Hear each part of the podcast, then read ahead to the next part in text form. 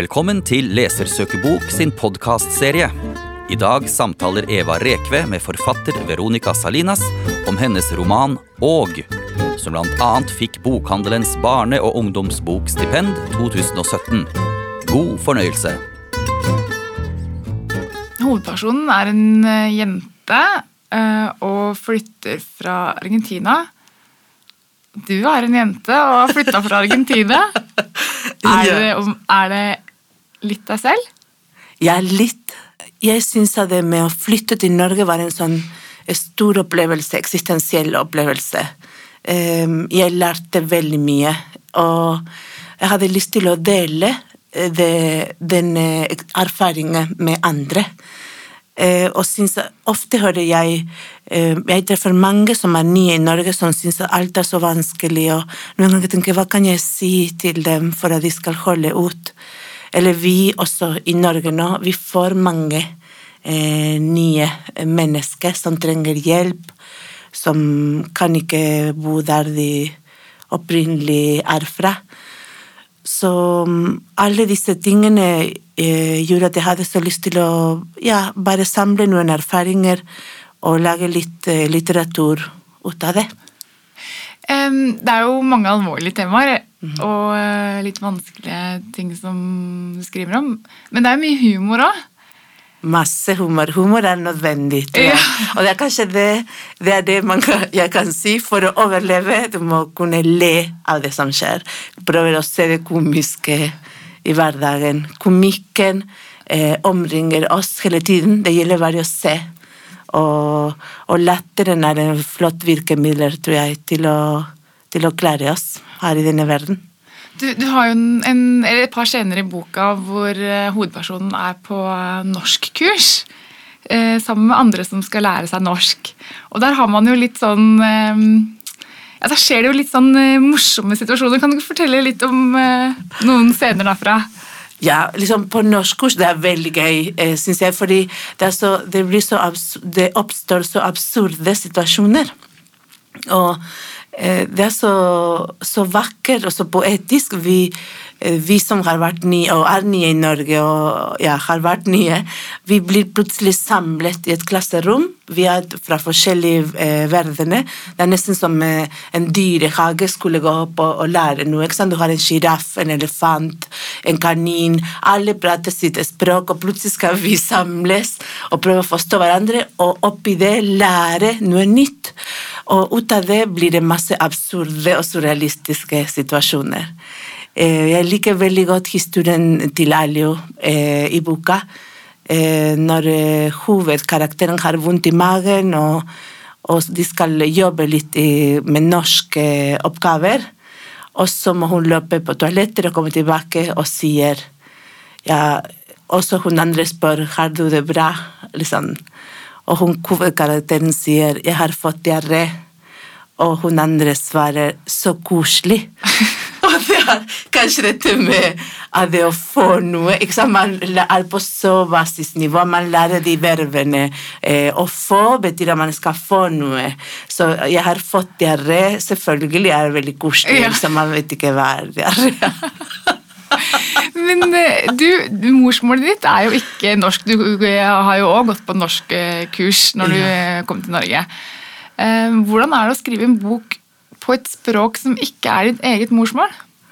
Veldig gøy. Det er nesten som å ta på seg en ny kjole og nye sko og prøve å gå ut med Ja. Og har aldri vært inni den nye kjolen, ik- ikke de nye skoene, men du prøver å liksom være elegant oppi det. liksom. Um, ja, morsmålet mitt er spansk. Og det er gøy å skrive på norsk. Det er nesten sånn eh, Det er en interessant øvelse for meg, fordi for hver situasjon som oppstår, så har jeg hundrevis av ord på spansk så, som står klare og, og sier 'si meg', 'si meg', 'si meg'. Mens eh, på norsk har jeg eh, ja, noen få ord, så jeg blir veldig økonomisk eh, på en gøyal måte på norsk, tror jeg. Hva er favorittordet ditt på norsk? Åh, det er mange. Um, å glede seg. Og sommerfugl. Men ja, det viktigste ord på norsk er og.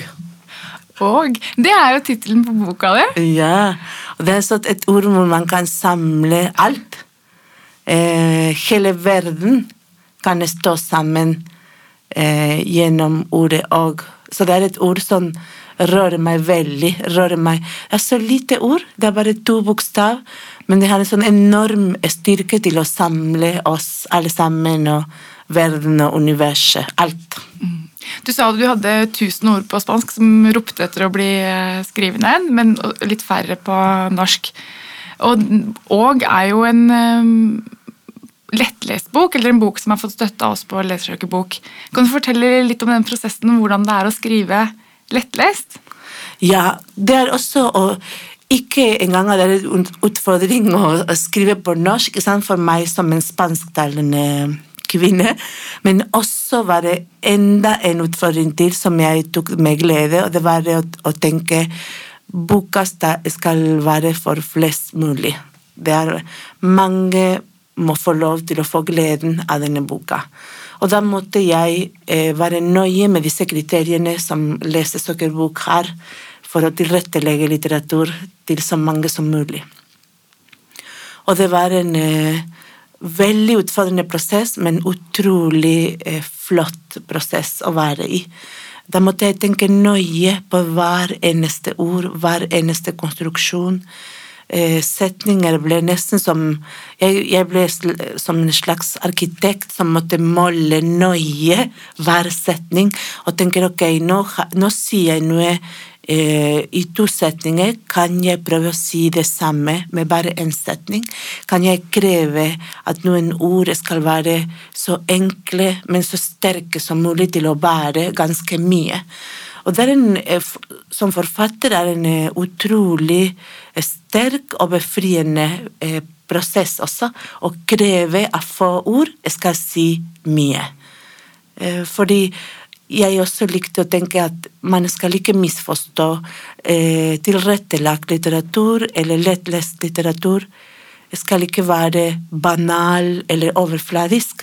Det skal, det skal være et budskap. Eh, ordene skal si på flere nivåer, men de skal være enkle. De skal ha enkle klær, kan man si. Mm. Eh, de skal ikke være så pyntet og så pompøse. Um, og det likte jeg så godt. Og det liker jeg, hele konseptet. Jeg er ikke en pompøs eh, type. liksom heller en veldig enkel person på mange nivåer. Så jeg likte veldig godt eh, å gå gjennom denne prosessen med lesesøkerbok. Mm. Eh, du har jo òg et veldig poetisk språk. Veldig fargerikt og flott. Du skildrer noen fantastiske eh, miljøer og natur i i, fra Argentina. og det som er så fint med boka, her, er at den er jo eh, delt opp at du, vi får et innblikk i hvordan hovedpersonen har det her i Norge, men også et tilbakeblikk på hvordan eh, hverdagen hennes var i Argentina. Hvordan er det å sitte i Norge og skrive om fortiden i Argentina? Og det var også en, en glede uten like. Um, jeg kommer, kan man si, Spansk er et veldig rik språk, og her er jeg ikke objektiv. Det er mitt eh, morsmål, men jeg syns eh, Ja.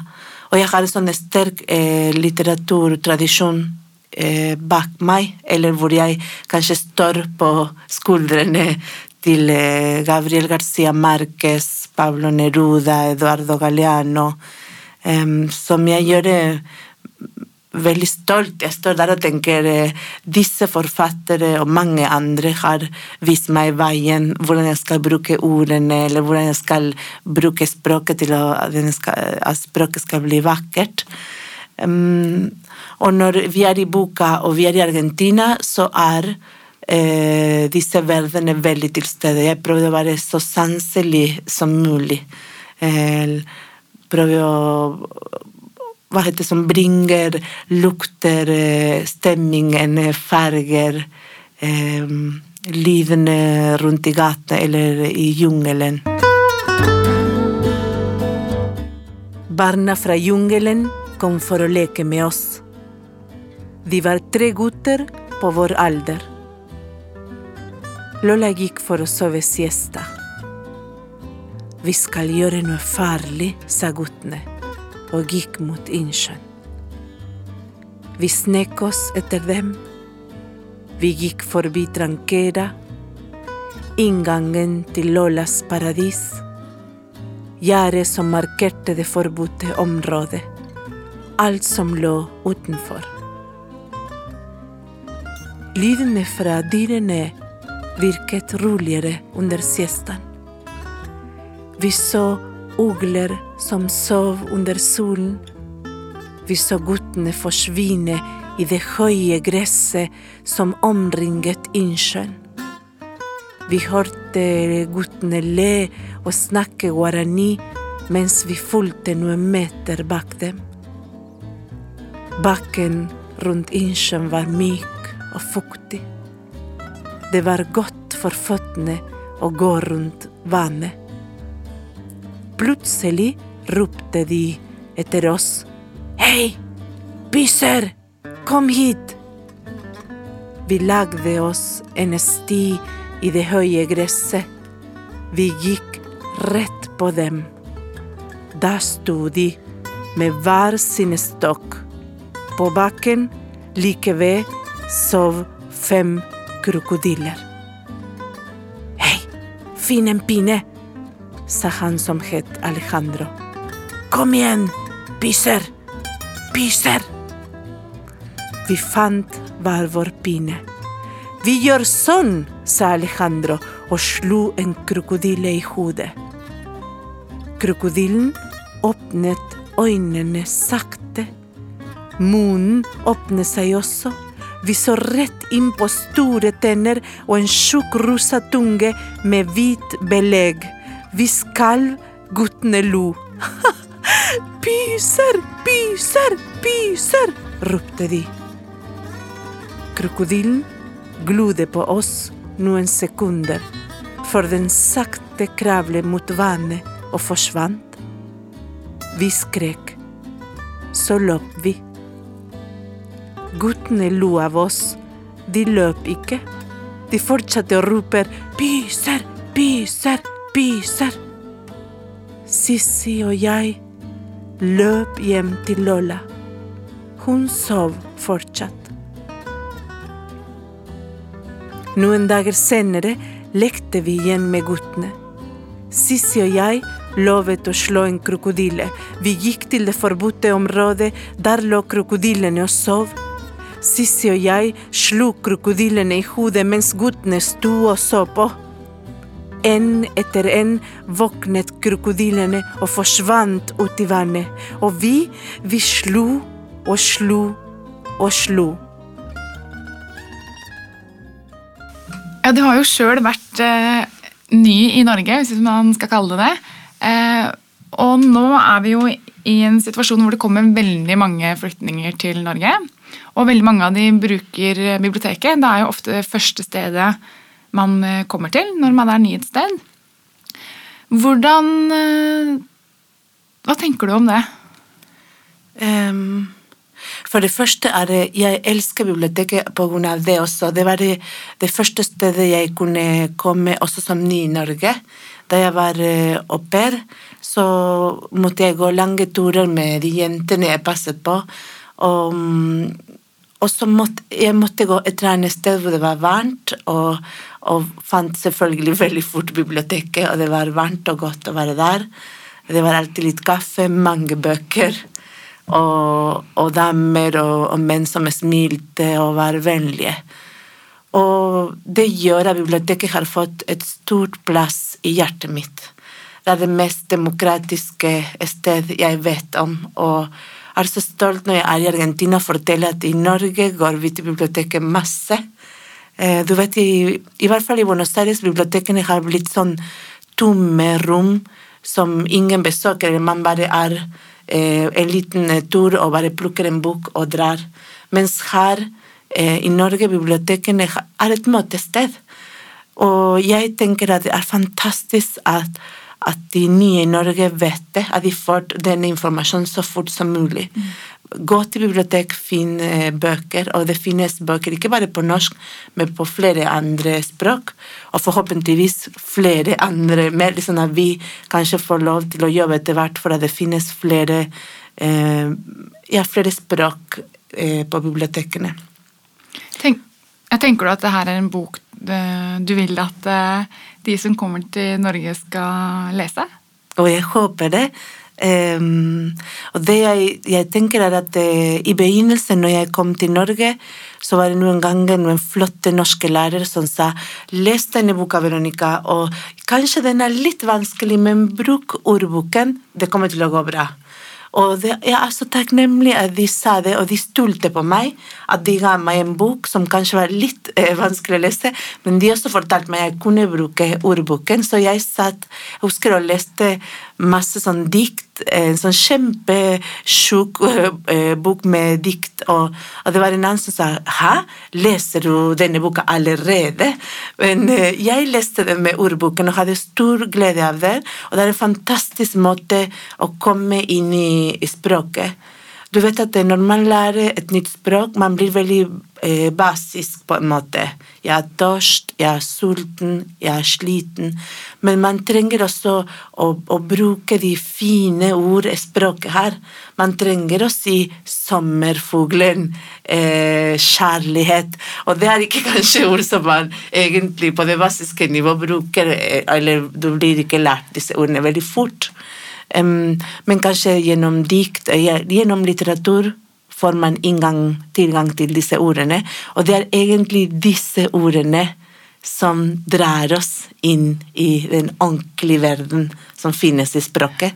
Det med å gjøre tørst, jeg er sulten, er veldig sånn nødhjelpord. Men plutselig man blir ganske tom etter hvert av disse ordene, eller eh, melansk, for man har veldig lyst til å bruke andre ord. ja. Husk, du sier at du, har, at du starta å lese dikt. Husker du den første boka du leste fra perm til perm uten å bruke ordbok? Åh Nei, nå, dette var et vanskelig spørsmål. Men um, Nei, det husker jeg ikke. Men en, en morsom ting kanskje er at jeg husker jeg kom til eh, norsklæreren min og sa eh, kunne du anbefale musikk til meg. Jeg har lyst til å høre på musikk og lære norsk gjennom musikken. Og hun sa ja, eh, hva liker du? Og så måtte jeg tenke fort, og så sa jeg ja, jeg er politisk og sosialt engasjert, og så hører jeg mange sånn trovadorer fra Latin-Amerika. Har dere her i Norge noe som ligner, ligner på det? Og hun sa ja, la meg tenke. Og neste uke kom hun med Jan Egon sine plater.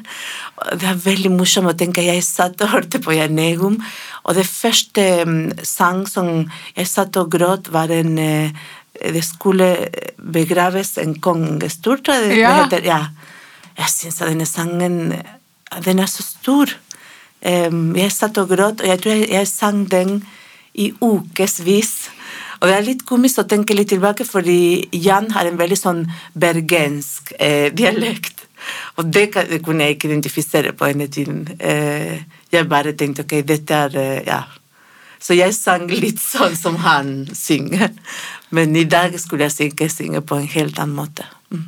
Jeg får inntrykk av at uh, du møtte noen gode norsklærere, og at du fikk mye hjelp på biblioteket. Ja. Hva, hva betydde biblioteket for deg når du kom hit? Du sa litt om at det var et varmt og trygt sted, men ja, og så må jeg si også de norske lærerne de, de Kanskje en gang får jeg lov til å lage en sånn uh, statue en sånn, ja, Vi må uh, få de opp i himmelen og lage sanger til dem, skrive flere bøker til dem, betale mer penger til disse norske lærerne.